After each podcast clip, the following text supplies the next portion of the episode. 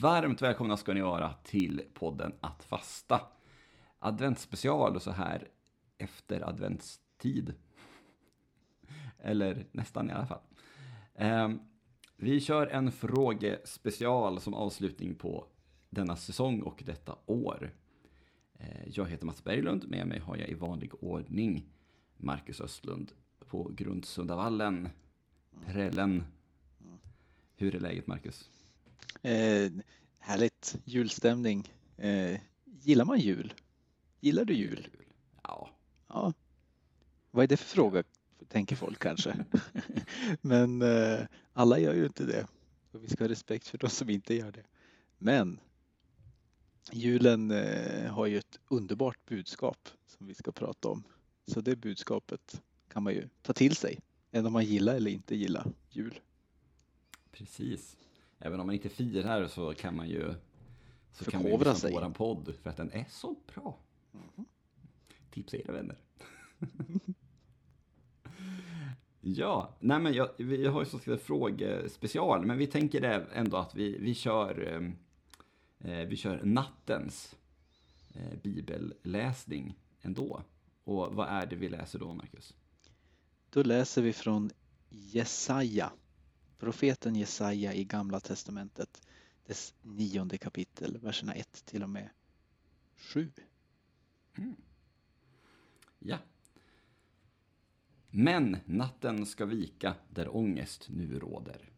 Om den förste slog bara lätt mot Sebulons land och Naftalis land, så har den siste slagit med full kraft västerut, mot landet på andra sidan Jordan, mot de främmande folkens område. Det folk som vandrar i mörkret ser ett stort ljus. Över dem som bor i mörkrets land strålar ljuset fram. Du låter jublet stiga, du gör glädjen stor. De gläds inför dig, som man gläds vid skörden, som man jublar när bytet fördelas. Oket som tyngde dem, stången på deras axlar, förtryckarens piska bryter du sönder, som den dag då Midjan, Midjan besegrades. Stöveln som bars i striden och manteln som fläckas av blod. Allt detta ska brännas, förtäras av eld. Ty ett barn har fötts, en son är oss given. Väldet är lagt på hans axlar, och detta är hans namn. Allvis härskare, gudomlig hjälte, evig fader, fredsfurste. Väldet ska bli stort, fredens välsignelser är utan gräns, för Davids tron och hans rike. Det ska befästas och hållas vid makt med rätt och rättfärdighet, nu och för evigt. Herren Sebaots lidelse ska göra detta. Amen och god jul. Ovanligt lång text. Ja, den här läses ju typ varje julafton eh, eller julnatt eller julotta eller liknande. Eh, varför? Jo, för att den pratar ju om att ett barn ska födas och att det här barnet är Gud. Den som kommer och befriar och allting. Och det är ju det julen handlar om. Gud blir människa Mm. och befriar och upprättar och löser alla knutar.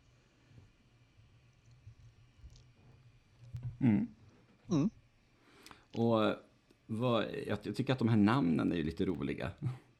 Det är en rolig uppräkning. Ja. Och detta är hans namn. Allvis härskare. Han vet allt och bestämmer allt. Mm. Gudomlig hjälte. Vill säga, han är både Gud, han är också hjälte. Evig fader.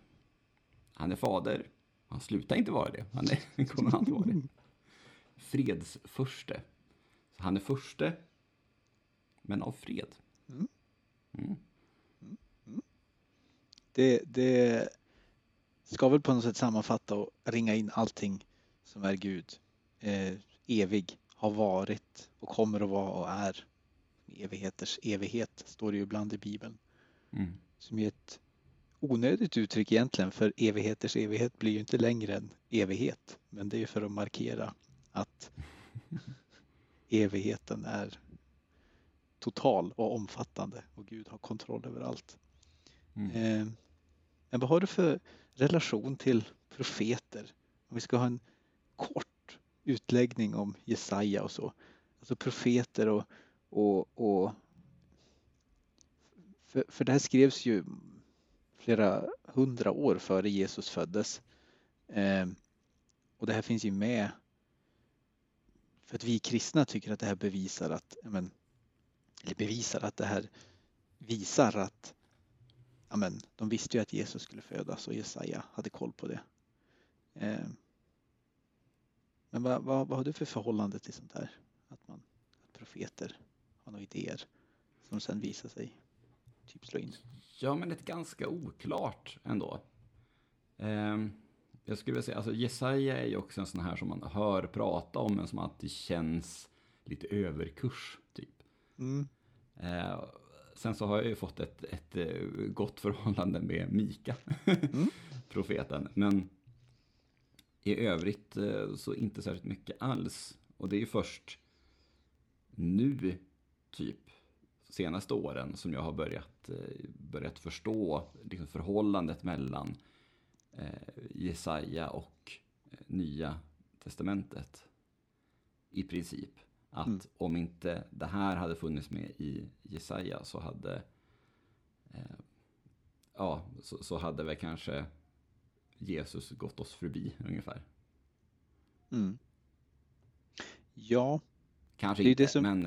Mm. Ja, men det är det som är spännande med Nya Testamentet och framförallt eh, eh, Matteus, Markus, Lukas och Johannes att de använder ju Gamla Testamentet och framförallt Jesaja otroligt mycket Eh, Eh, och vad det säger om vilken tid och vilken kontext de kommer ifrån. De är ju eh, judar allihopa, de första kristna ursprungligen. Eller majoriteten av de flesta av dem. Och de levde i den kontexten och det var för judar de ville så att säga, bevisa att Jesus var frälsaren med stort F. Den som hade lovats i Gamla Testamentet eller det som då var den hebreiska bibeln och som är den hebreiska bibeln för judarna. Så att man behöver ju profeterna och kanske framförallt Jesaja för att förstå varför Jesus är viktig. Eh,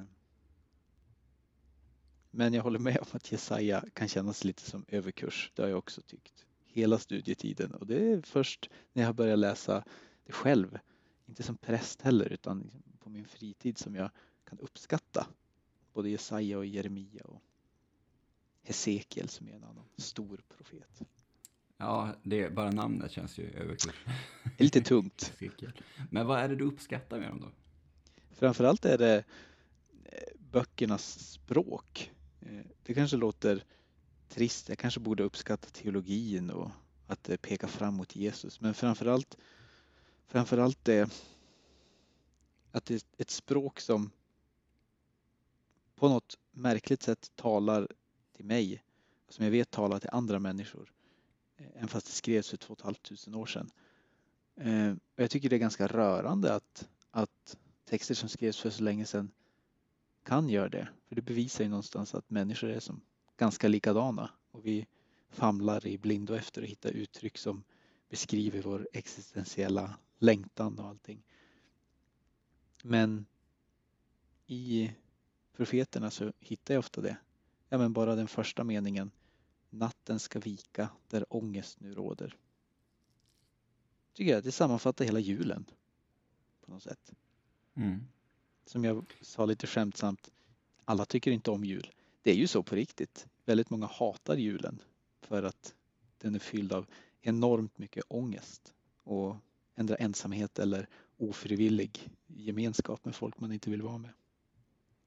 Och då finns mm. det här mm. löftet.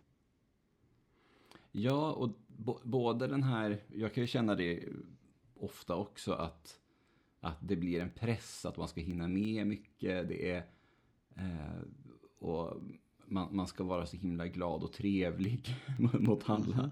Mm. Eh, och sådär, att, att det, det, blir bara väldigt, väldigt mycket press och ofta har jag också känt att ah, jag bara skiter i det här. Ja, nu, nu struntar jag i det här. Nu sitter jag i min lägenhet och kollar igenom några säsonger Friends under julen istället. Mm. Eh, Men det gör man ju inte. Då, men jag förstår verkligen de som gör det. Men den, just den raden är ju också kanske ganska tydlig att tidigare nu i veckan så eh, var det, vad heter det, vintersolstånd. Är det så? Mm. Eh, och det blir, eh, blir ljusare och ljusare nu. Och det är ju verkligen det att, att natten viker. och blir, nätterna blir kortare och kortare istället. Mm. Verkligen. Så om man, om man inte tycker om julen för att man är ofrivillig ensam eller ofrivillig inte ensam Mm. så eh, tänker jag att det finns i alla fall eh, den ljusglimten eller vad man ska Mm. säga. Mm. Så är det verkligen. Och som sagt, det är det julen handlar om väldigt mycket för mig. Att det är någon som kommer, visserligen som ett litet barn, men det är ändå Gud som kommer och blir människa för våran skull, för att, för att vika undan den där ångesten, än om den är liten eller stor hos oss alla. Mm. Men det är också något vä- väldigt eh, fint eller väldigt talande med sättet som han kommer på också. Mm. Det är ju, det är ju verkligen det här, handlar med att övertyga folk, bara så här, jag finns, gör som jag säger. Eh, så hade Gud bara helt enkelt kommit ner från himlen som en stor liksom Gud som han är och, och eh, pratat för oss. Det är jag som är Gud, det, det ser ni här. Dunder och brak. Hållit en fem, ett litet fem minuters tal och så gör alla som man säger. Eh, Men så jobbar de inte. Nej, men okej, då föds jag här.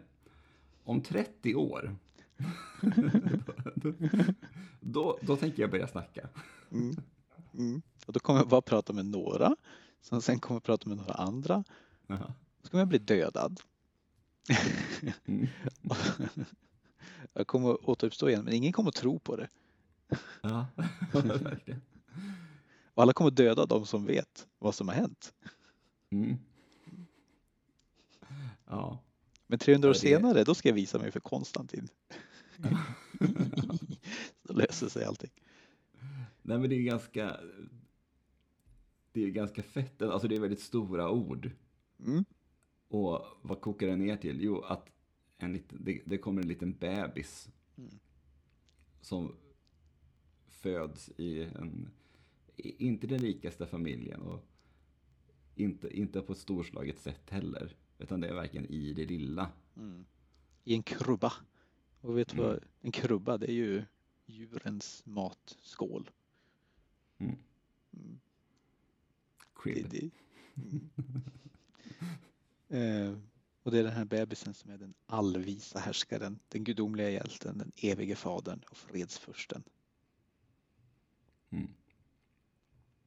Svindlande. Ja, men faktiskt. Det är häftigt. Och en annan sak som både är svindlande och häftigt är att vi har fått in många härliga frågor, eller hur? ja, vi har ju det. det har vi. Ehm, och jag tänker att du får, du får svara på dem, du som är teologen i gänget. Mm. Ehm, så kanske jag kommer med någon, någon amatörmässig eh, killgissning eh, till svar, eller något i den stilen. Låter det bra? Vi, vi, det låter bra. Mm. Eh, vi avslutar ju med den här topp trean som vanligt tänker jag, så tar vi frågorna först. Mm. Så ser vi vart vi hamnar.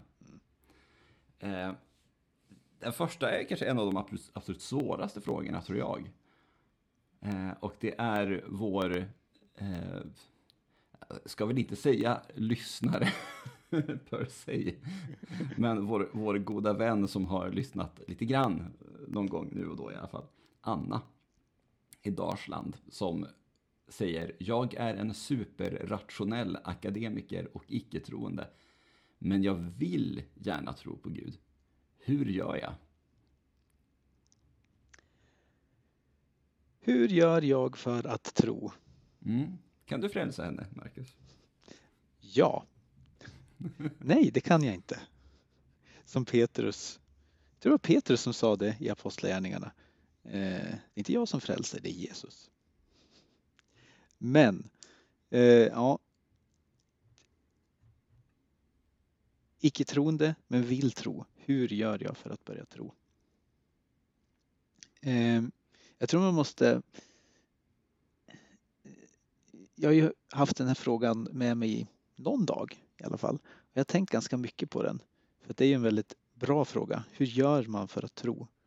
Hur blir man troende? Och jag har försökt ta ett lite större grepp om frågan. Ehm, jag tänker att det hänger väldigt mycket ihop med vem man är, eller kanske inte vem man personligen är, utan vem man är i den här världen som finns just nu. Eh, för vi alla lever ju i någon form av ofrivillig marknad. Alltså vi ska ju sälja oss hela tiden. Vi ska leverera och vi ska prestera. Vi är på ett vis totalt individualistiska samtidigt som vi eh, är en del av ett kollektiv fast vi är liksom helt passiva i det här kollektivet. Vi är bara med och vi bara förväntar oss att kollektivet ska fungera. Så liksom, det, vi, det vi är i det här, det är ganska svårt att veta. Eh, väldigt många, inklusive jag själv, lever ju på något sätt bara med en själv framför ögonen. Man vill att jag ska ha ett bra liv. Jag vill eh, överleva. Jag vill göra så mycket som möjligt så att mina barn ska ha det bra och allting. Jag tänkte på det när det handlar om det här med vaccinering till exempel. Jag är ju vaccinerad och allting. Eh, så det jag säger nu innebär inte att jag är emot vaccinering. Jag bara konstaterar att min känsla är att väldigt många vaccinerar sig inte alls för alla andras skull utan för sin egen skull. Man gör det för att man själv ska kunna få gå på kulturevenemang, man själv ska kunna få gå på hockey, man själv ska kunna få eh, träffa de som man vill träffa. Absolut så gör man det någonstans också för eh, alla andra och för att skydda folk men framförallt är det för att jag ska kunna göra saker. Och det blir väl tydligt nu också när vi ska ta en tredje dos också, eller fjärde senare. Det är så här, jag såg häromdagen så gick ju WHO, WHO ut och sa att men, eh, ni behöver ju inte en tredje dos utan det är ju, det är ju de som inte är vaccinerade som behöver.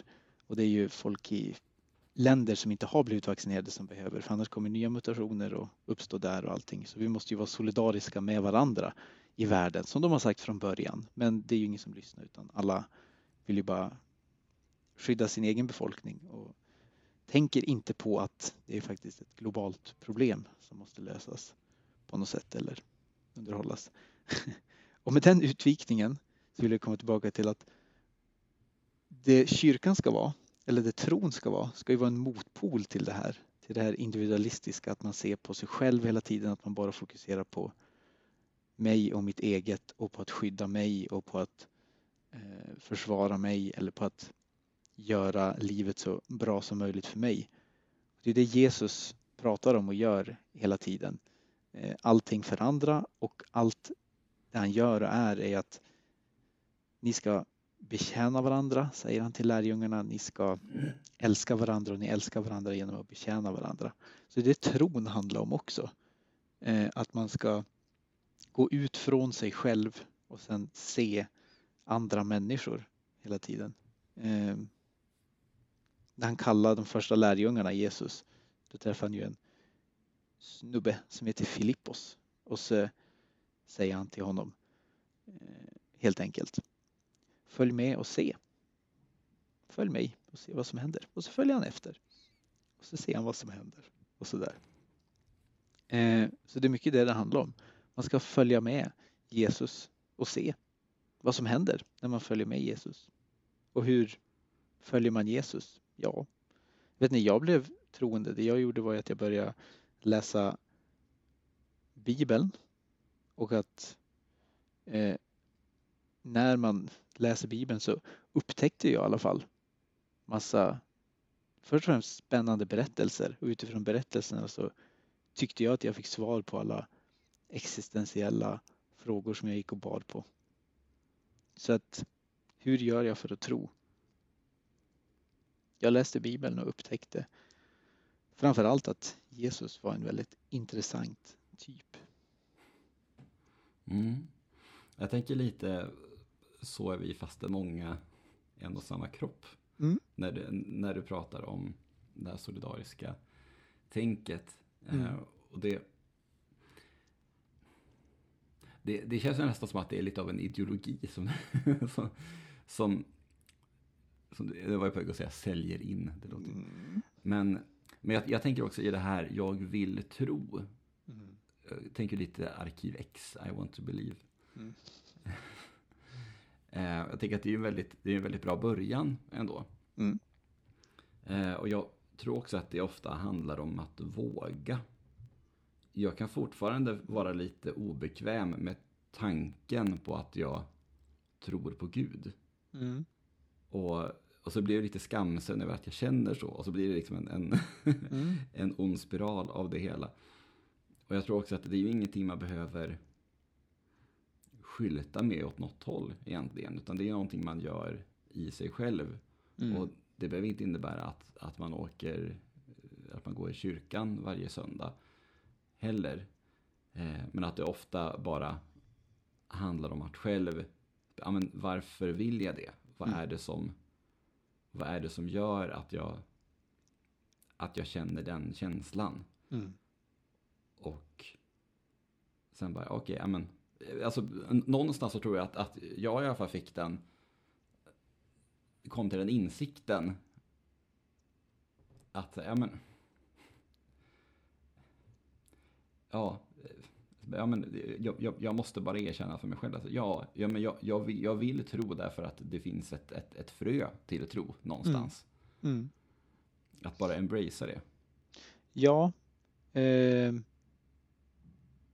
himmelriket Guds rike är som ett senapskorn. Det är det minsta av alla frön. Och sen när man planterar det så växer det upp och blir det största av alla träd. Det är den bilden. Det finns någonting i oss alla som kan växa upp och bli mycket större än man ens kan ana. Ett problem kan ju vara i det här att det är ju kyrkor som på något sätt representerar tron och det är kyrkor som på något sätt har monopol på den kristna tron. Att om man tror så är det så här man ska vara och göra. Och jag är fullt medveten om att det är, kan kännas som att det är väldigt höga trösklar in till det och då tänker man att okej, okay, det är så här man måste vara för att tro. Det är så här eh, man eh, ska vara för att vara accepterad av Gud i förlängningen. Eh, men det är ju inte så. Oavsett vad vi gör, oavsett vad vi håller på med, om inte det passar alla förhoppningsvis så gör vi någonting i alla fall som passar alla. Men om vi inte gör det så betyder det inte att Gud utestänger någon. För det är skillnad på Kristus och på Kristi kropp som någon också sa. Och det tycker jag är ganska vettigt sagt. Vi som så att säga ska vara eller är Kristi kropp, vi som är kristna, har inte monopol på, på Gud. Tack och lov. Inte ens vi präster har det. Tack och lov. Vi... Mm. Mm. Ja, men jag, jag, jag tror... det, jag tänker att vi kan koppla på nästa fråga. Eh, ja. Som kommer från en... Eh, jag, vet, vet, inte i vilken, i vilken mån man ska namnge folk. ja, men gör det. Ja, kommer från, från Ester som har skickat in. Vad är det som gör att vissa växer upp kristet eh, men väljer att lämna. Mm. Eh, medan andra som växer upp utanför det, det kristna communityt, eller vad man säger, ändå väljer att bli kristna eller blir kristna. Eh, och in, innan du svarar på den så, så, vill jag lite grann koppla på det där också, att jag tror att många, o, oavsett hur man växer upp, om man växer upp i ett kristet sammanhang, en kristen familj, så tänker man kanske också att som min familj var, så är det att vara kristen, så är det att leva som kristen. Medan om man växer upp utanför så får man kanske också en bild eh, av andra, hur de är. Ja, men så vill ju inte jag vara. Eh, så jag, jag, jag, tror också att oavsett hur man växer upp så får man ändå en bild av hur det är. Eh, som inte behöver vara sån. Och det, det är precis som, alltså, som du säger, att det är ingenting som... Det finns inget som är...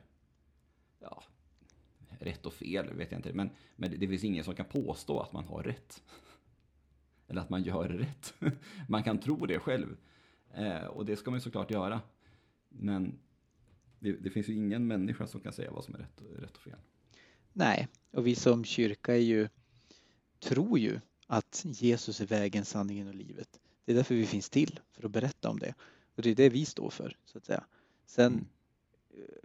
vad man lägger i vägen, sanningen och livet. Eh, det är det vi har brottats med i 2000 år och kommer fortsätta göra. Men mm. Mm. lite så. Ja, men vad, vad tänker du om Esters fråga då? Ja, det, jag tänker att det är en väldigt eh, relevant fråga. Jag är ju en sån som inte har växt upp. Jag har inte växt upp i en troende familj. Eh, min fru brukar göra skillnad på kristna eh, och troende. Just att eh, vi är ju kulturellt kristna Eh, om man är med i kyrkan oavsett om man tror eller inte. Ungefär som att man är kulturellt muslim eller kulturellt jude oavsett om man tror eller inte. Så även om vi svenskar kan bli provocerade av att någon säger att men du är ju kristen. Nej men jag tror inte på Gud. Nej men du är ju kulturellt kristen för att du firar alla högtider och du är de facto med i en kyrka. Eh, och jag är ju uppväxt så med i kyrkan då självklart att jag skulle konfirmera mig men vi gick aldrig i kyrkan och vi pratade sällan om trosfrågor på det sättet. Det var inte viktigt att tro. Men sen när jag väl valde att bli präst så var ju både mamma och pappa eh, och bror eh, stöttande inför det beslutet. Så det har inte varit något konstigt eller så. De har ju kommit på gudstjänster. Men det som fick mig att gå i kyrkan var ju att jag hittade den här gemenskapen som jag pratade om i frågan hur gör jag? Och jag gick till kyrkan och fortsatte gå till kyrkan och fortsatte och hittade en gemenskap. Och jag tror att jag tagit upp det här tidigare att när jag och Evelina har flyttat min fru och våra barn så det första vi har gjort när vi har kommit till en ny plats det är att försöka hitta ett kyrkligt hem Alltså någonstans där vi kan gå på gudstjänst. Och inte bara gå på gudstjänst utan gör man det så träffar man ju folk, eh, lär känna dem, eh, är med i andra grupper som de har och sådär. Eh, så jag hittade ett hem. Jag hittade någonstans där jag kände mig hemma. Och jag tror att det är i grunden väldigt Alltså så enkelt som du var inne på i början. Det här med som du sa att, att man eh, har växt upp på ett visst sätt och så tänker man Nej, men jag vill inte vara kvar i det här eller ja, jag passar inte in här eller, eller liknande. Så därför kan jag inte tro längre. Eh, för att ja, jag har blivit någonting som, som jag inte tycker passar in. Och det är, ett, det, är, det är ett jättestort problem. Alltså det är ett enormt problem att vi som kyrkor inte bara Svenska kyrkan, att vi som kyrkor inte klarar av att hantera att människor är olika. För Det tror jag är ett stort problem. Det tror jag är anledningen till att väldigt många känner, inte känner sig hemma. Ehm, att ofrivilligt så stöter vi som är aktiva bort folk för att folk förväntar sig att man ska vara på ett visst sätt och även om, även om man får höra att du behöver inte vara på ett visst sätt så så har man kvar den känslan. Det hade jag länge. Jag, hade, jag kände mig välkommen men jag kände ändå att det fanns en förväntan att jag skulle bli som dem. Oavsett om de tänkte det eller inte så kände jag det så. Och det måste ju bottna i någonting. Ja, men jag, jag tänker lite grann också att, att det måste också kunna finnas olika vägar.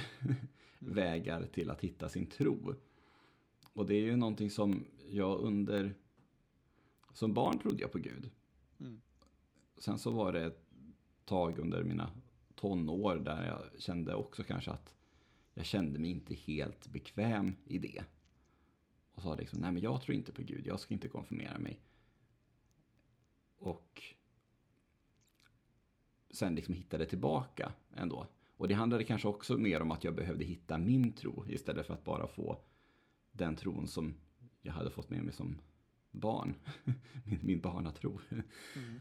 Eh, och jag tror också att man kanske behöver ha en, en kultur i kyrkan, och då menar kyrkan i bred bemärkelse, att det också är okej. Okay. Jag tror att folk tycker det, men att det också kanske ses som lite, jag, jag, jag, tror också att man kan bli lite sur på någon som har växt upp och, och gått till kyrkan och säger, nej men jag är inte troende. Mm. Eh, så, nej, nej, skit i det då. Eller så. Eh, men, men jag tänker att precis som att någon som aldrig har varit haft med kyrkan att göra kommer och säger att ja, men jag vill vara med här. Jag tror, jag tror också på Gud. Jag är också kristen. Eller jag vill bli, för den delen. Alltså, då tror jag inte att det är någon som säger så här, nej. Men har man en gång liksom lämnat eller tagit ett steg ifrån och sen känner att man vill komma tillbaka så ska det ju vara, ska man ju vara precis lika välkommen. Mm. Alldeles oavsett. Jag vet inte om det är så, men jag, jag kan tänka mig att man blir lite sur. Det är som i andra föreningar som jag är med i också, där man blir lite när någon säger, men jag vill inte ha med, nej, nej, nej, men skit i det då. Mm. Mm. Så kommer man tillbaka och säger, nu passar det. Mm. Jo, det, det, det kan finnas de tendenserna. Det kan det göra. Såklart beroende helt på vilken församling och kontext det är. Men... Ja, ja precis. Och det församlingen är ju uppbyggd av människor, mm. precis som du och jag. Eller ja, du, du är ju onekligen. Ehm, så att det är klart att det också är olika. Ehm, och det är inte, har kanske inte att göra med om det är en, en pingstförsamling eller en Svenska kyrkan församling, utan snarare kanske vilka som är som ingår i den. Mm. Vilka som är aktiva och så. Mm. Men jag tänkte apropå det här du, du pratade om att ni, vart ni än har hamnat i, i Sverige så har alltid kyrkan och församlingen varit ett, bra ställe att eh, hitta ett sammanhang att, att vara i. Eh, så har samma Ester då skickat in Varför är alla kristna kaffeberoende? Vad är grejen med kyrkkaffet?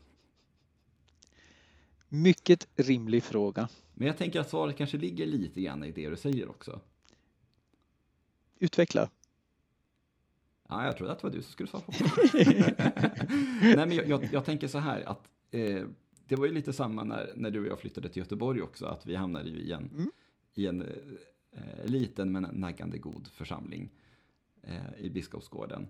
Eh, och ibland så kände jag, i alla fall jag, jag tror att du gjorde det också någon gång, att nej men idag pallar inte jag. Jag orkar inte sitta och prata med, med folk. Och då åkte man hem efter gudstjänsten och det var inget mer med det. Men ibland så var det också väldigt trevligt att sitta och bara snacka med folk. Och känna mm. att, ja men okej, jag har inte bott här tillräckligt länge för att lära känna folk som jag kan umgås med. Men här är jag alltid välkommen. Mm. Och det finns någonting i det. Mm. Jag vet att en, en präst i Nätra, där jag växte upp, åkte liksom från klockan åtta på morgonen och hämtade folk på olika ställen som satt ensamma i sina hus och stugor. Ja. Eh, ute i den ångermanländska obygden. För att de ville vara med. Eh, och sen så kanske de egentligen inte i första hand var, där för, eh, för gudstjänsten, utan det kanske var just kyrkkaffet och sitta och, och skvallra och sådär. Eh, men att det har, det har väl alltid varit lite av en samlingsplats. Och församlingen är ju också till för att ta hand om, om sina Alltså alla ingår ju i en församling. Exakt. Och att, och att det ska finnas ett ska finnas någonstans där man kan liksom samla upp folk och, och ta hand om dem. Tänker jag. Jag tycker det var en väldigt bra sammanfattning. Och som jag har förstått det så härstammar det här från frikyrkorna. Svenska kyrkan som ju var statskyrka och samlade alla medlemmar och sög upp alla svenskar eh, hade ju sina gudstjänster men gemenskapen var inte direkt det viktiga. Det viktiga var att folk kunde komma.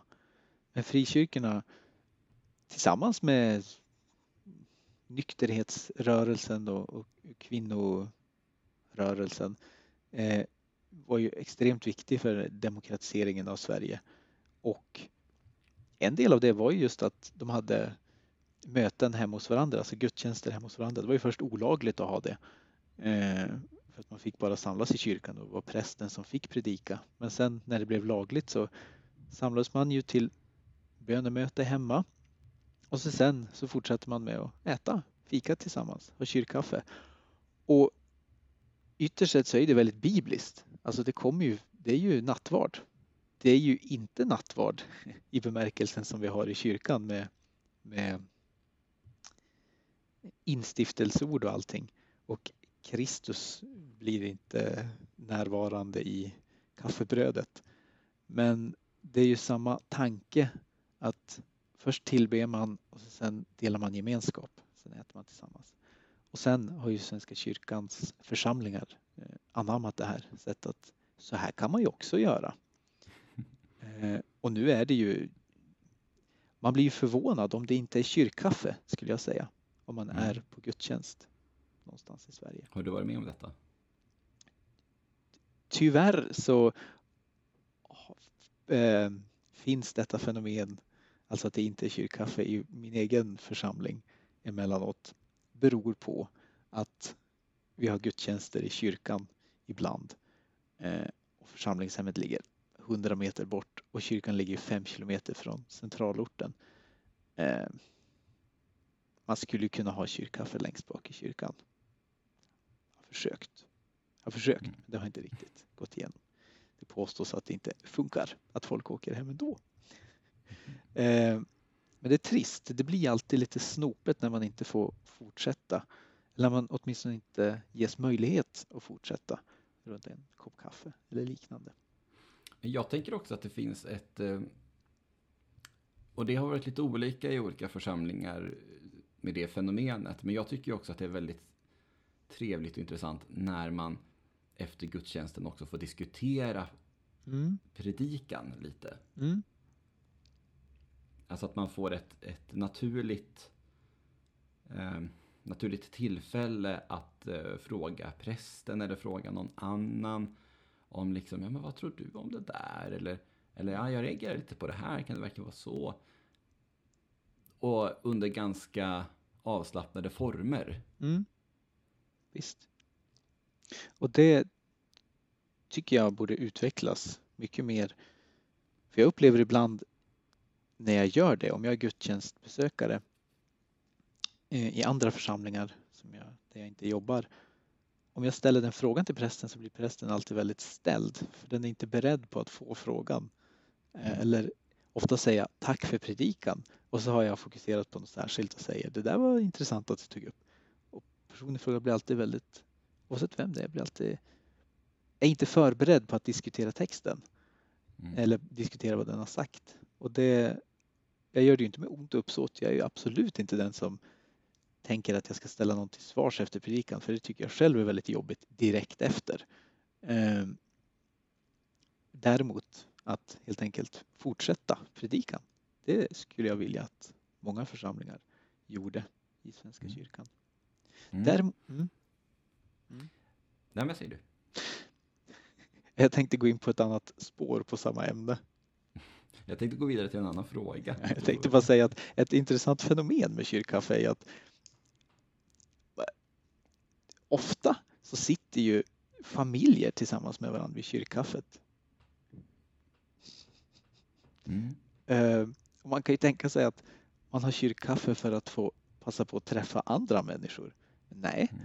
då, då sitter herr och fru Larsson där och så sitter herr och fru eh, Konradsson där istället.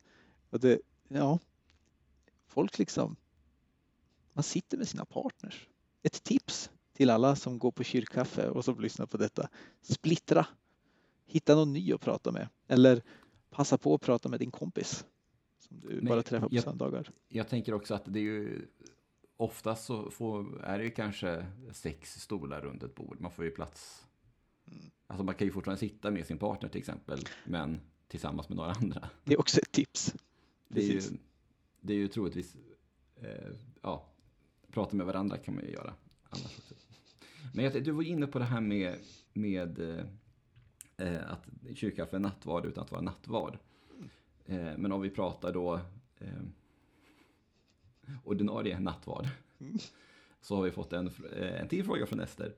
Varför dricker folk ur vinbägaren? Det är ju äckligt. Speciellt nu. Ja. När en pandemi.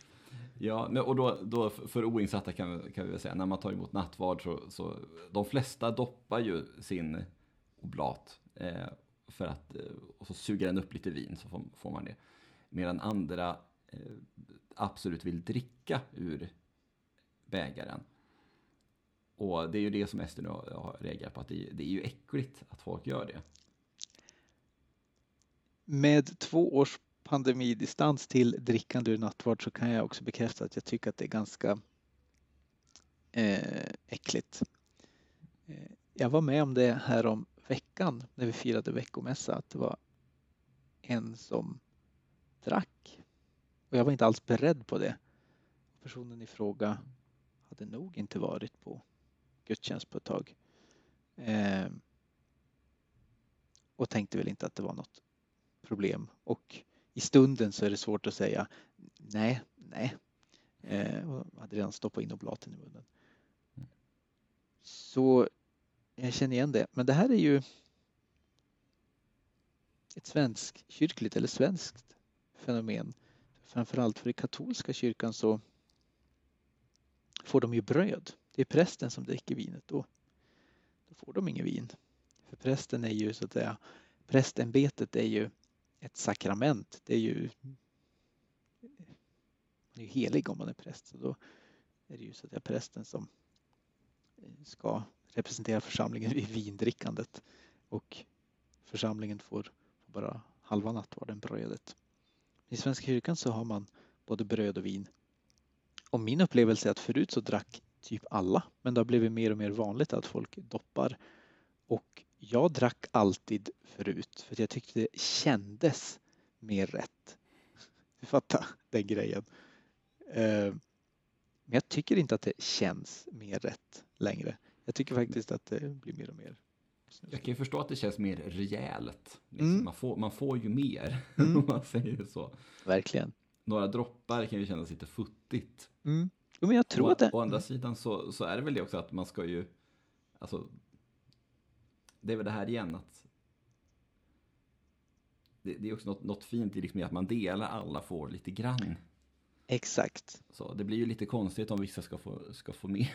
nu tror jag väl inte att, att eh, ju mer vin man får, ju mer får man av Guds kärlek direkt. Men ändå. I Norge så har man så kallade särkalkar, alltså att alla har varsin liten kalk som man får dricka ur. De är alltid så mysiga i Norge. Mm. Tycker jag. Eller hur? Så det är ju ett alternativ till det här äckliga, den äckliga seden som vi har i Sverige. Ja. Um, jag tänker vi går in lite grann på julen. Ja. Uh, och då är det en anonym göteborgare som undrar vilken dag firar kyrkan egentligen jul? Hej anonym göteborgare. Uh, det här är intressant för 25 är ju högtiden i alla andra länder. Det är bara vi nordiska länder, typ, som firar den 24. Anledningen till att vi firar 24 är för att vi räknade att det var en ny dag när solen gick ner. Tidigare också eh, i kyrkan så räknar vi att det är en ny dag efter klockan 18 så vi följer ju den seden. Så egentligen så är jul det finns ju ingen söndag i psalmboken eller i kyrkåret som heter julafton. eh, afton. Egentligen. Det finns ju inte nu 24 december, julkrubba. Det finns ju ingen som heter det. Klockan 11 på, på söndag ska vi ha en liten julkrubba. Utan det finns julnatten och så finns det juldagen. Och julnatten och juldagen är samma kyrkliga helgdag. Alltså det är egentligen en dag och då kan man välja om man vill fira på natten, alltså den mellan den 24 och 25 som i Rom, Peterskyrkan. Börjar väl vid halv tolv och så går det över till den 25. Eller om man vill fira eh, julotta klockan sju på morgonen eller liknande. Så att 20 efter klockan 18 24, den 24 eh, och över till, ja, till klockan 18 den 25. Det, det, är, det är då kyrkan firar jul. Det är den kyrkliga högtidsdagen. Mm. Gött. Mm. Eh, Mycket tydligt svar. Ja. eh, och eh, jag har skrivit Marcus här. Det är inte du som Heter din mamma Marcus? Nej, det är min, min mor Agneta som undrar. Hur visste de tre vise männen att barnet hade kommit? Vem, eh, hur visste de vem han var? Och att de skulle följa den här stjärnan? Hej Agneta! Eh, det som är spännande med de tre vise männen är att man inte vet om de var tre eller inte om man bara läser Bibeln. För det står inte hur många de är. Det står att de är eh, stjärntydare eller österländska eh, österländska stjärntydarna. Det står inte att de är tre eller hur många de är. Eh, utan det här kommer ju från en tradition som uppstod på 500-talet om jag minns rätt. Att de just var tre och då utbroderas den här traditionen till att en kom från Afrika, från Etiopien, en kom från Mellanöstern och en kom från Europa och de red på tre olika djur som representerar de olika då kända världsdelarna också. Eh, fin tanke, hela världen kommer samman, samlas inför Gud som har fötts och ger gåvor. Men att de är tre, bara det, kan man inte riktigt slå fast med all säkerhet. I Tyskland så har jag hört att, att det här kallas för tre kungar. Precis, och det är också en Och att det är därifrån också som Sverige har tagit sina tre kronor. mm, Källa Hermans historia, så jag vet inte hur troligt det är. Men ska ja. inte förringa. Men eh, enligt Bibeln då, alltså de österländska stjärntydarna, då var ju sin tids akademiker, eller en gren av akademin, och en gren av akademin var ju att läsa stjärnorna, kan man ju säga. Eh, Det var det de gjorde hela tiden, jämt och ständigt. De skulle leta efter tecken i skyn, de skulle leta efter fenomen som inte riktigt stämde. Och då har man ju kunnat se historiskt sett att någon gång runt omkring det som vi kallar år noll så var det ju ett himlafenomen. Och det var Venus och Jupiter som liksom stod i rätt kurs mot varandra och därför bildade en ex, ett extra starkt lysande fenomen på himlen. Just över ungefär den plats, eller just över, men det syntes extra tydligt där. Så de såg antagligen det här fenomenet. Eh, de visste inte vem det var de skulle komma och hylla eller vad det var de sökte förrän de kom till Herodes. Som jag har förstått det enligt bibeltexterna. Det finns någon passage när de just läser från profeten Mikas bok. För de var ju akademiker så de hade ju tillgång till heliga texter från hela världen.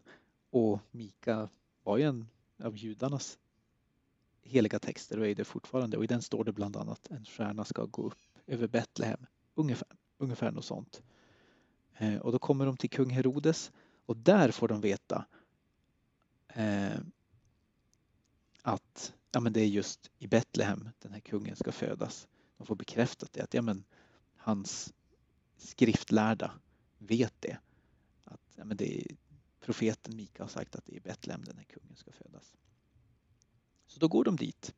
Då är det så det är helt enkelt. De följer stjärnan till Jerusalem och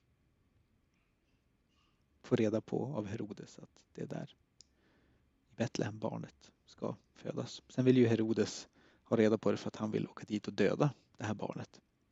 Eh, för att ja, det ska inte komma någon rivaliserande kung. Mycket gott svar. My- Mycket passande också att vi läste den texten i, Mm. idag. Mm. Eh, vi går vidare eh, till ett lite mer tråkigt ämne vad jag får säga. inte, inte tråkigt kanske, men.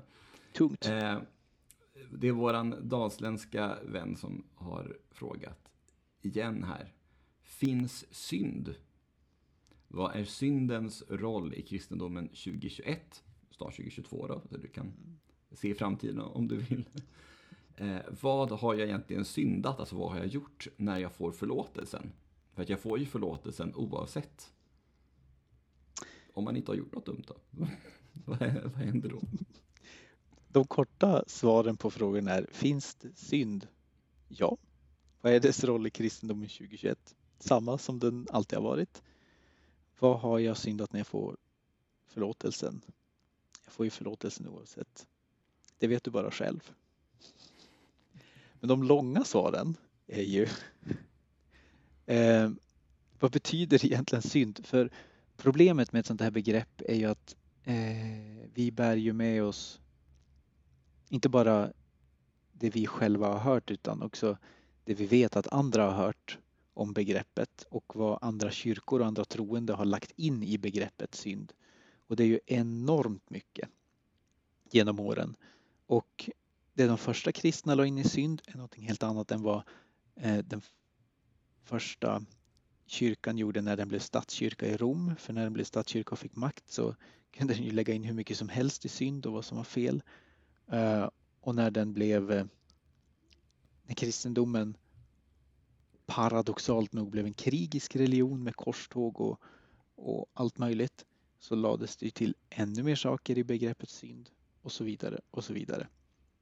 Så att det finns ju ett stort tjockt lager, stort täcke som på något sätt aldrig går att skala bort från det här begreppet synd.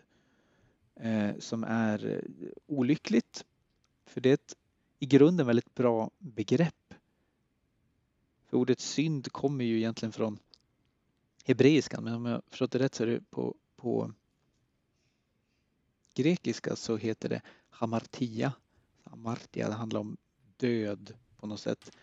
Och ordet kommer från eh, eller ordet betyder egentligen på grekiska att man missar målet. Så när man syndar, då missar man målet. Och jag märker själv när jag säger när man syndar så händer det någonting i mig också. För att begreppet är så oerhört laddat och det är så fyllt med, med mörker och straff och hån och hat och skam och skuld. Och speciellt när jag som i rollen som präst säger det också. När jag, o, när jag oförhappandes bara slänger ur mig när man har syndat. Så jag, jag säger det bara, jag är medveten om att, om att det är långt ifrån ett oproblematiskt begrepp. Men för att kunna svara på frågan så behöver man ändå gå tillbaka dit, till det, vad det ursprungligen opålagt egentligen handlar om. Det handlar om att man missar mål. Så vi, vi, tror, vi tror liksom att det handlar om att någon som gör något, den som syndar är liksom en dålig människa och, och ska skämmas. Fast att egentligen så är det mer ett, om man säger att, att ja, men, du har syndat. Eller så. Det är egentligen bara, ja, det här blev inte så bra. Ja. Det är, det är inte så dramatiskt som vi, vi får det att vara kanske.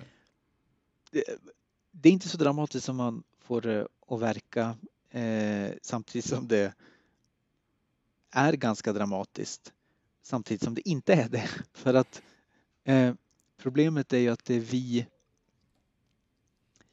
människor, eller jag säger så här, det är vi präster historiskt som har förstört det här begreppet för att vi präster och pastorer har sagt att det här är synd och det här är synd och det här är synd och det här är synd. Och så grundar vi det att ja, men det står i Bibeln eller Paulus säger det och så tolkar vi det som att och allt det här som är synd, det är fel och det får man inte göra och gör man det då missar man målet. Om man missar målet så betyder det att man inte får komma till himlen. Då kommer man till helvetet och då är man fördömd och då är man en dålig människa och då drar man med sig alla andra i det här.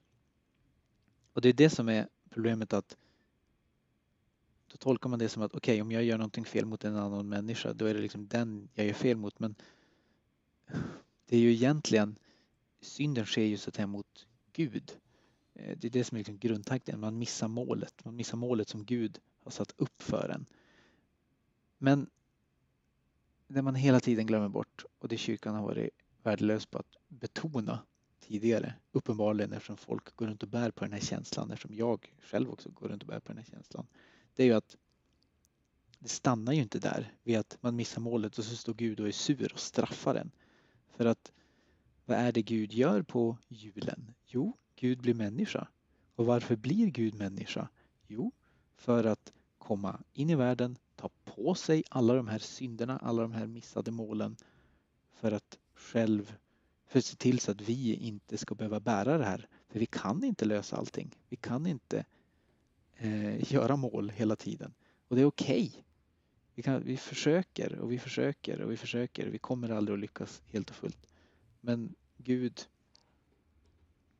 Gud säger att fortsätt försök. Men när ni misslyckas så, så är ni inte misslyckade människor utan då, då löser jag det. Det är det som är grunden med det här med synd. Och det är därför jag tycker att man fortfarande kan prata om synd om man också pratar om nåd. För det, de hänger ihop för oss kristna på ett så fundamentalt sätt. Mm. Mm. Mm. Ja men gött. Ja. Ehm, och eh, då en fråga från en Evelina i Grundsunda. Eh, varför skulle det vara hemskare att hamna i helvetet än i himlen? Ja du Evelina. Vad säger du Mats? Reflektioner? Eh, ja, det... Ingen vet ju vad som väntar en i något av de ställena egentligen. Nej. Jag tror hon fiskar efter den här grejen att alltså vad, vad är det som händer i himlen som är så himla bra? jämfört med vad som händer i helvetet. Jag tror att man, man har liksom målat upp bilden av helvetet som, som eh, någonting dåligt för att man liksom kopplar samman det med, med de här äh, uråldriga bilderna av att det är ett brinnande inferno och allt är fruktansvärt och, och man lider och skär tänder i evigheters evighet. Och det är inget kul. Men någonstans om man nu gör det i evigheters evighet så borde man ju som, ja, anpassa sig till den verkligheten på något sätt också. För det känns som att helvetet pratar man inte så mycket om. I, det, det är ju, ja, det är väl möjligtvis någon av de göteborgska ö, öarna där, där, kan, där, en präst kan stå och prata om att man hamnar i helvetet och, och hur helvetiskt det är i helvetet. Mm. Eh, men de flesta prästerna gör, pratar inte om det. Varför gör man inte det? Det var någon som sa att Svenska kyrkan har avskaffat helvetet. Mm. Och Svenska kyrkan hade den makten ändå. ja, eller hur? eh, nej, men den här dubbla utgången efter, efter, livet, efter livet efter döden. Den är ju, den är ju det är snarare så att den är ifrågasatt av fler och fler teologer. Alltså finns det verkligen grund för att påstå att det finns en dubbel utgång? Eh, men då är det ju den eviga frågan. Om det inte finns en dubbel utgång, finns det bara en utgång? Vad är det för mening att försöka göra gott om alla ändå kommer till himlen? Mm. För å ena sidan då så är det ju eh, men, hur kan Gud straffa någon? Tänk om jag har varit hyfsat god och så har jag råkar göra fel saker, några fel saker. Ska jag hamna i helvetet då? Ja, men jag trodde att jag gjorde rätt, men jag gjorde inte Ja, det. precis. Och så å andra sidan, vad då ska Hitler få komma till himlen? Ja, men hur, hur ska du ha det? Ska alla få komma eller ska, var ska gränsen gå då? Så att det där är ju det där är ju frågor som man absolut inte ska nonchalera eller vifta bort. Det är väldigt många människor som bär den här rädslan för att komma till helvetet fortfarande. Eh, jag tror att problemet är att jag kan säga att vi inte pratat någonting om det här under, under prästutbildningen. Alltså hur hanterar vi de här frågorna eller vad tror vi om det här? kanske har studerat hur det sett ut historiskt men det är en helt annan sak än vad vi som kyrka egentligen tror om det här. Mm. Eh, eh, jag har svårt, jag har alltid haft, jag har alltid tänkt så här, jag har haft svårt att förstå varför Gud skulle separera människor ifrån varandra och dra någon linje någonstans. Och om det skulle vara så att ja, men ni är rättfärdiga och ni får komma in i himmelriket och ni är inte snälla, då tänker jag ändå att om man så att säga då blir medveten om att okej, okay, om man dör och så blir man medveten om att okay, Gud finns. Om jag får förlåtelse, jag kan få förlåtelse här. Varför skulle man välja evig fördömelse så att säga? Mm. Men himmel och helvete. Alltså tyvärr, Evelina. Jag, jag, är, jag är alldeles för ointresserad av livet efter detta för att liksom vilja fördjupa mig i, i de här frågorna. Och det vet du. Men jag skulle önska, och jag tror att jag kommer behöva göra det längre fram i mitt, i mitt prästliv. Verkligen liksom försöka forma en, en, en bild som håller. Eller en vettig vettig tanke i alla fall om vad jag tänker om det. Det är svårt. Det är svårt att ge något vettigt svar som inte gör att människor känner sig livrädda för att dö. Mm. Ja, du får, eh, du får ha det som ämne i en kommande doktorsavhandling kanske. Mm. Mm. Eh, en sista fråga innan vi går över på topp tre då. Om Gud äger världen, är min kropp min eller hans? Varför vill han att vi ska leva för honom? Varför har Gud bekräftelsebehov? Mm. En bra fråga Ester.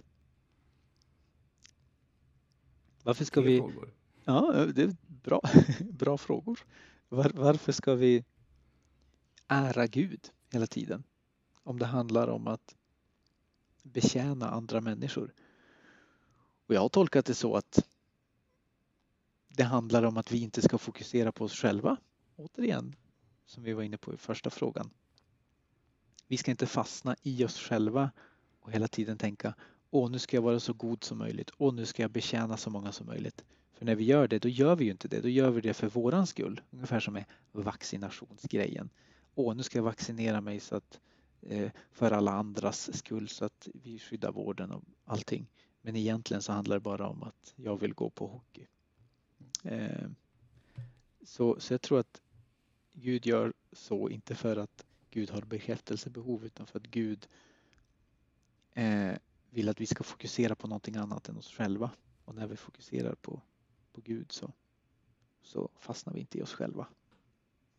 Mm. Köper du det? Jag köper det. Och det är väl eh, återigen det här med så är vi fast många en och samma kropp att eh, ja, på något sätt så är vi, ja, vi är ju också Jesu kropp eller Kristi kropp. Ja, eh, och vad vi gör för hans minsta gör vi för honom. Mm. Just det. Men är, eh, är min kropp min eller är den Guds? Din kropp, din kropp är din eh, samtidigt som din kropp är en del av hela universum. Eh, vi är stjärnstoft enligt vetenskapsmännen. Och, Då vismännen. och, enligt, och enligt Bibeln så är vi skapade av Gud och Guds avbild. Så vi är inte Gud, men vi har någonting gudomligt i oss. Så våran kropp är våran. Mm. Ja, ja, många lager här. Ja. Eh, nu, tar, nu tar vi topp tre. Det tycker jag också. Mm, och det är Evelina som har skickat in den här.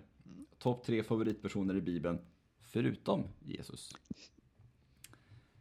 Då har Evelina på tredje plats Miriam. Jag läser högt här. Miriam är en favorit jag haft sedan jag var barn. Hon visar tidigt stort mod och kärlek när hon gömmer sin bror Mose i vassen och sedan räddar hans liv genom att se till att han blir adopterad av en egyptisk prinsessa. Hon är ihärdig i sin tro på Gud och i sin tro på att Mose kommer hitta Gud och följa Guds kallelse. Som ledare blir hon till inspiration för det judiska folket till en grad att hon i Mika bok nämns bland de tre största ledarna i Israel. Rimligt. Ja. Eh, andra plats, Josef. Både Josef och Maria blev kallade att vara Jesus jordiska föräldrar, men Josefs roll som Jesus styvpappa glöms ofta bort vid sidan av Marias osjälviskhet i sitt uppdrag att föda Jesus till jorden. Josef var normbrytande för han gifte sig med Maria och uppfostrade Jesus som sin egen trots att han inte var hans egentliga pappa. Han lärde också Jesus sitt hantverk som snickare, vilket jag tycker säger mycket om att Josef accepterade Jesus som sin son fullt ut. Det har vi pratat om i... Ja. Ja, men det är sant. Det är lite en modern förebild. Mm. Eh, Josef, eh, 2000 år före sin tid. Runda slängar. Första plats, Lea. En annan person vars roll och tillit till Gud är underskattad enligt mig. Som Jakobs första fru är hon matriarken i familjen och har därför beslutsrätt och en särskild makt, maktposition i familjen.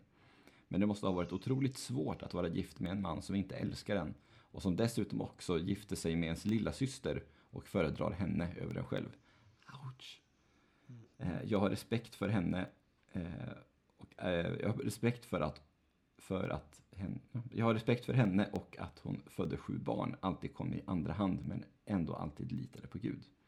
Lea är också mamma till Juda, vars släktlinje Jesus senare kommer att födas från. Mm. En person jag inte känner till så mycket om faktiskt. Det var intressant. Ja, men visst är det, tragiskt med tanke på att det är helt rätt. Mm. Det Evelina skriver. Det är Abraham, Isak och Jakob och så och deras fruar och respektive allting. Och Lea var... Och det, storyn bakom är att Jakob blev ju bortskickad till sin mammas bror, är det väl, Laban, för att hitta en fru där. Eh, för att Jakob och Esau hade ju bråkat med varandra, eller Jakob hade ju snott förstfödslorätten ifrån, ifrån honom. Eh, ifrån Esau. Och så blev han ivägskickad till Laban. Och där så blev han, sa Laban till honom, om du jobbar sju år, då får du gifta dig med Rakel. Och sen så jobbar han sju år och sen så på bröllopsnatten så lurade han Jakob och stoppade in Lea istället i tältet. Och han hade kunnat noterat det, men det gjorde han ju inte. Så då låg han med henne och så blev de gifta istället. Och sen var han tvungen att jobba sju år till för att få gifta sig med Rakel. Eh, så det börjar ju inte bra för, för och så, då, de var ju syskon då. Så att man letade inte långt på den tiden. Men det där, det blev en väldigt bra övergång Mm. till min topp tre. Låt höra. För på tredje plats har jag Isak. Jag sa ju det nyss. Mm. Eh, Isak. broder Isak. Eh, vi har ju Abraham, Isak och Jakob. De tre patriarkerna. Abraham som blir far till Isak och Abraham som är stamfar till judarna. Och till muslimerna och till de kristna. Eh, och Isak är den av de här tre patriarkerna som har minst utrymme i Bibeln. Eh, och jag tycker att hans berättelse är väldigt, många gånger väldigt rörande. För tystnaden som finns i hans berättelse säger väldigt mycket om honom ändå. Det som nämns om honom är att Abraham och Sara, de har ju längtat länge efter att få barn. De får inte barn, så Abraham ligger med Hagar, slavflickan som vi pratade om i det allra första avsnittet och få Ismael. Sen så får ju Abraham och Sara ett barn, Isak. Och han får ju namnet för att det betyder den som ler eller den som skrattar, betyder ju Isak. Eh, och de är jätteglada för att de har fått ett barn tillsammans.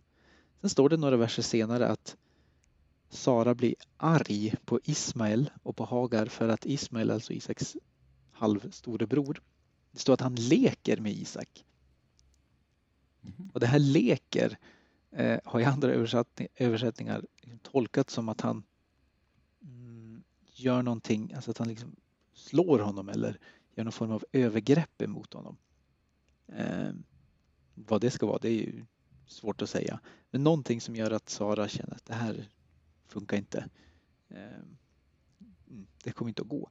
Så då skickas ju Ismael och Hagar bort Så redan där händer någonting med Isak som han, är som, han får aldrig som äga sin egen historia. Han är ändå sin pappas son eller sin sons pappa.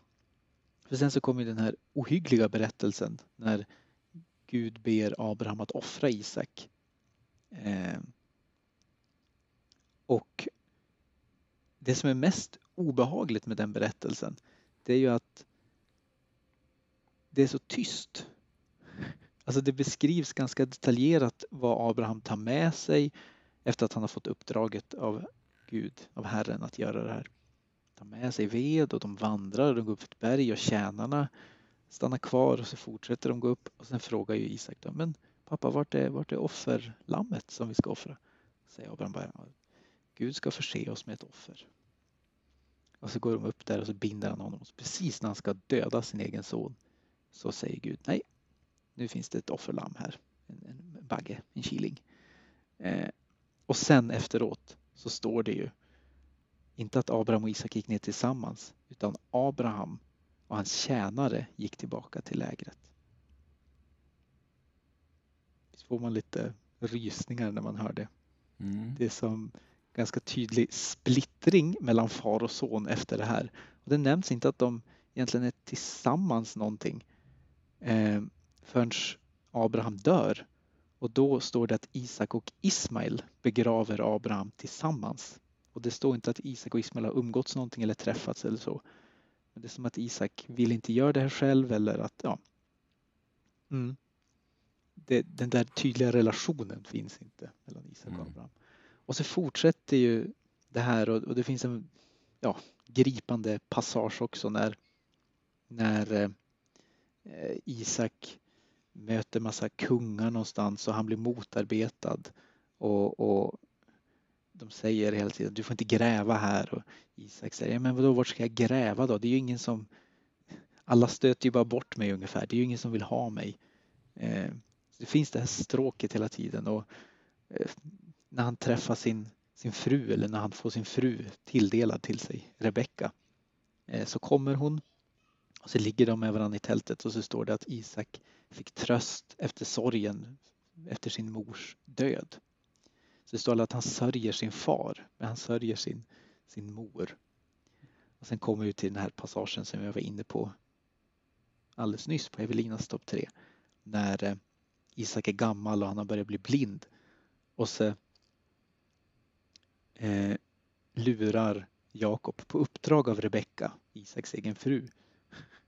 Han lurar, Jakob lurar eh, Isak att han är Esau och därför så får han välsignelsen av sin far och blir den som har först födslorätt. Eh, och Isak tror ju att det är Esau han ger den till men eftersom han är blind så ser han honom inte. Så han får aldrig liksom vara centrum i sin egen berättelse. Han är alltid påverkad av andra och mm, utsatt på något sätt. Mm. Ja, mm. vilka trevliga familjemiddagar de måste ha haft. Eller hur? Läs första Mosebok typ kapitel 21 till och med 27 eller något sånt där. Framförallt 25 till 27 där finns det mycket om Isak. Mm. Men han säger inte så mycket. Men... Eh, nummer två ska du få höra. Det är en person som heter Avigail. Vem är då mm. denna Avigail? Jo, vi har ju pratat om David ibland då och då, eller hur? Kung David. Och eh, efter att David har dräpt Goliat och efter att David är på väg att bli kung. Eh, han är inte kung än för att Saul är fortfarande kung. Men då är han ute och ränner i öknen och är fram och tillbaka. Eh, då beskrivs det att David är i något som kallas för Paranöknen. Och då är han i ett område där han ska försöka prata med någon snubbe som heter Naval som äger massa mark och får och getter. Men den här Naval är tydligen, han beskrivs som en, som en eh, dum man som är elak med sin fru och allting. Men hans fru, Avigail, beskrivs som en klok och vacker kvinna. Men han var styvsint och elak. Och sen så är det ett helt kapitel som berättar om vad som händer vid den här bergsluttningen mellan Naval, hans fru Avi Gajil och David. Och det som händer är ju att David ber Naval om att få övernatta där. Men Naval säger nej, det får du inte. Jag vet inte vem du är. Du, du är någon, säkert någon förrymd slav som bara vill utnyttja mig. Han har inte koll på att David är snart kung över honom. Men Abigail blir förskräckt och så går hon i hemlighet till David med massa gåvor och bakar jättemycket bröd och allting och säger, har ett långt tal där hon liksom säger ta emot de här gåvorna, förlåt min man, han är dum i huvudet, snälla döda oss inte.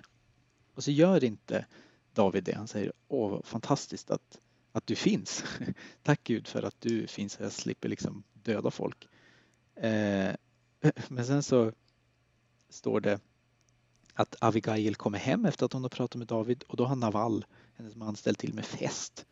Och så eh, står det att på morgonen när han hade nyktrat till så berättade Avigail för sin man vad som hade hänt. Då drabbades han av slag och han låg där som en sten. Omkring tio dagar senare släckte Herren hans liv. Och vad händer sen? Jo, Avigail går tillbaka till David och konstaterar att hennes man är död. Och då tycker David att det är en bra idé att ta sig en till fru.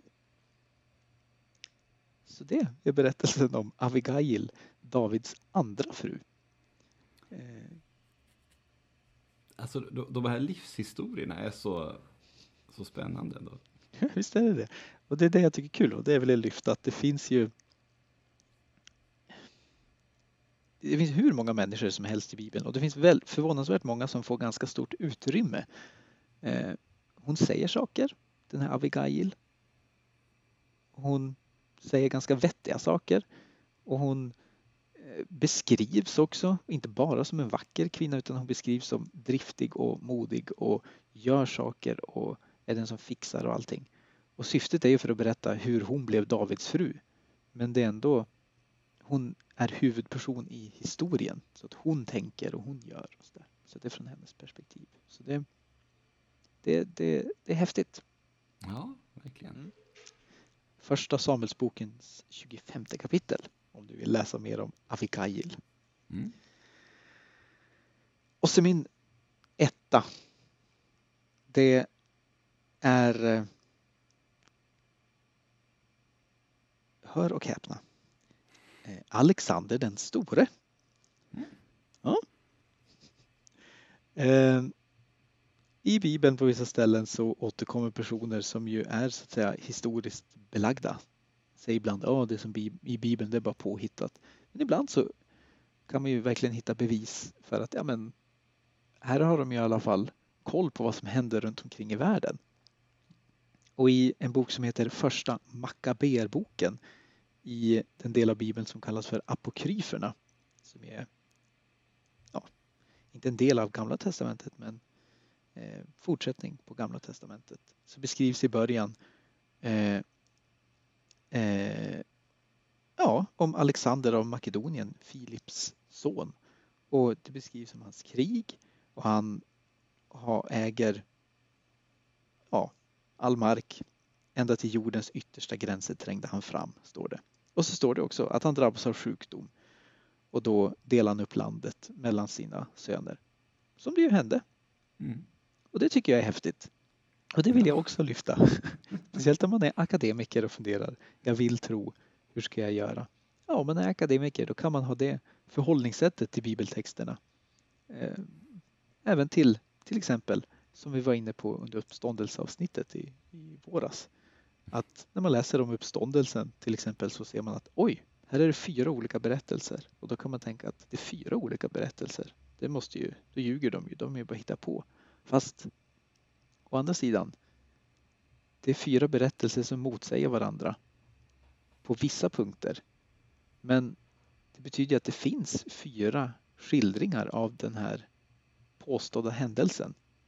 Mm. Det är ganska unikt ur ett historiskt perspektiv. Även mm. om de är från olika tidsperioder och så, så finns det ändå. Så att mm, är man akademiker så, så finns det mycket man kan läsa med akademiska glasögon och sen fundera på vad betyder det här? Apropå den dalsländska frågan som vi inledde med. Precis. Just det. Snygg topp tre, tung Mm. topp tre. Mm. Mm. Min, min kommer att inte vara lika... Eh, jag, kommer, jag kommer inte breda ut lika mycket, för jag kan inte lika mycket om de här. Nej, men Eh, men jag har ändå en... eh, Jag tycker att jag har en ganska rolig eh, trea, som vi börjar med. Gud. Mm. Lite, lite provocerande kanske också, men är Gud en person? Eller är Gud... Eh, man säger att Gud är något större, men många hanterar Gud, pratar om Gud som att det är en person. Och det, jag tycker att det är ganska intressant att Gud framställs så olika på olika ställen i, i Bibeln. Och det är säkert helt i sin ordning.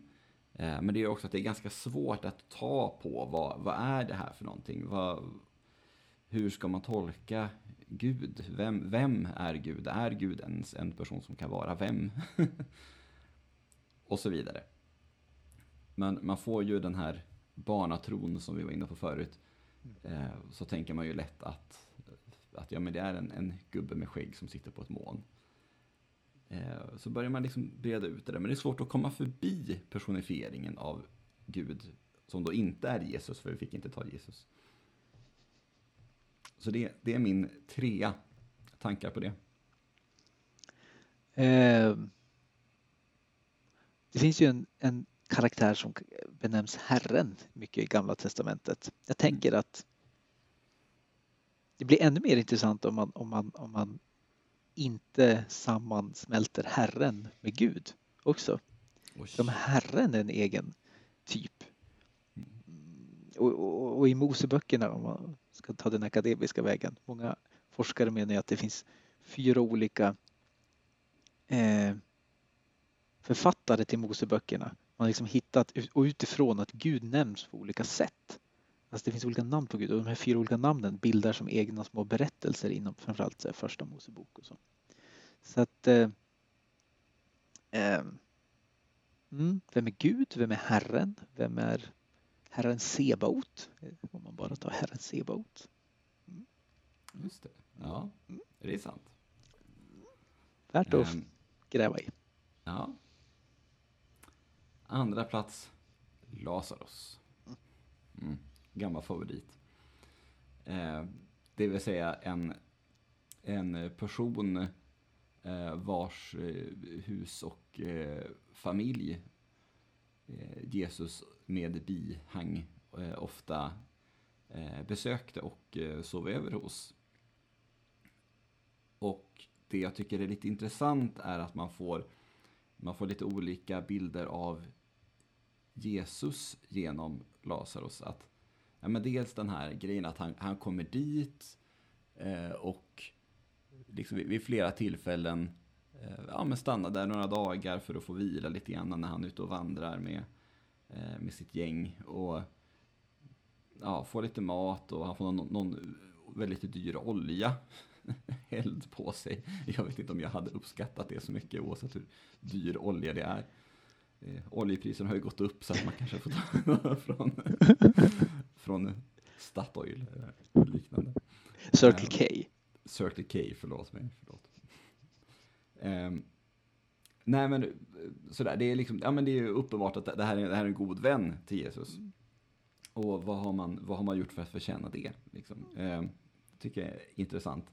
Eh, och det är en så pass god vän att när han eh, dör så, eh, och Jesus hör det här så går han dit och eh, återuppväcker honom från de döda. Eh, och sen, så sägs det att han blir någon typ av eh, biskop på Cypern eller något i den stilen. Det här är Wikipedia så det är dålig, eh, dålig källa. Men eh, det är liksom inte så att han blir återuppväckt och så lever han en vecka till för att Jesus ska ha nytta av honom och sen eh, dör han. Utan det, det handlar liksom om att, att han faktiskt, ja, han dör och så kommer han tillbaka och lever ett fullt liv efter det. Det tycker jag är lite fascinerande. Och det står ju till och med att Jesus gråter utanför graven innan han det. uppväcker honom. Jag brukar använda den här ganska ofta i, i griftetal, alltså på begravningar.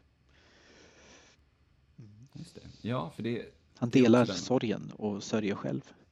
Ja, för, för man, man tänker ju att, att man, man ska ju vara liksom glad åt att ja, ja, men nu har den här personen fått komma till himlen. Eh, Glad och glad, Ja, men att men- man, det, det, det ska vara liksom, ja, men gråt inte för det är liksom bättre. Och det är bland det värsta jag vet när folk säger gråt inte. Men varför inte då? Precis. Varför, varför skulle det vara så dåligt? Mm. Eh, så det, det glädjer mig att du, att du använder den. Mm, mm. Eh, så första plats, Maria från Magdala. Mm. Som vi har pratat mycket om i ett tidigare avsnitt. Så jag, jag ska inte gå in så, så mycket på henne. Men jag tycker att det är, det är intressant med personer eh, nära Jesus. Alltså vilka människor omgav han sig med. Eh, jag tycker att det är också så mycket Ja, men också hur folk har försökt att svärta ner hennes rykte. Hon har blivit osynliggjord. Eh, samtidigt som hon har mycket liksom, nyckel, en nyckelroll. I flera berättelser vill jag minnas. Eh, så jag, jag, ja, jag tycker att det är en väldigt intressant person på många sätt och vis. Ja, och hon är ju framförallt, om man pratar om uppståndelsen, eh, det enda som de fyra evangelisterna är överens om det är att Maria från Magdala är det första vittnet till Jesu uppståndelse. Mm. Det är det enda de är överens om. Eh, och därför så är hon ju oerhört viktig för vår tro. För det är hon Mm. som så att säga, sprider det vidare sen till alla andra. Definitivt. Mm. Häftigt. Mycket god topp tre. Mm, jag är nöjd. och nu har vi hållit på i snart en och en halv timme. så jag, jag tänker att med, med detta eh, så vill jag önska eh, herr Marcus Östlund en, en mycket god jul. Ja men du, detsamma. Kommer du herr- herr arbeta? Mats. Jag kommer att vara eh, ledig. Mm, gött. Ska Ja. du gå på midnattsmässa eller eh, otta? Jag tror att det blir eh, Midnattsmässa finns inte tillgängligt i den yttersta närheten. Mm. Julkrubba finns. Annandag jul kommer vi definitivt att gå. Mm. Så kan jag säga. Mm. Gott. Eh, så vill jag tacka alla för att ni har lyssnat på det här avsnittet och, och har ni lyssnat på tidigare avsnitt så tack för det också. Eh, tack för de eh, mycket bra frågorna. Alla kom inte med. Det hade jag inte räknat med att vi skulle ha så många. Det var några som inte kom med. Eh, så det var mycket, mycket snällt att ni skickade in dem. Bra frågor. Och eh, vi får se om vi återkommer i framtiden. Eh, annars så tack för oss Tack! och god jul.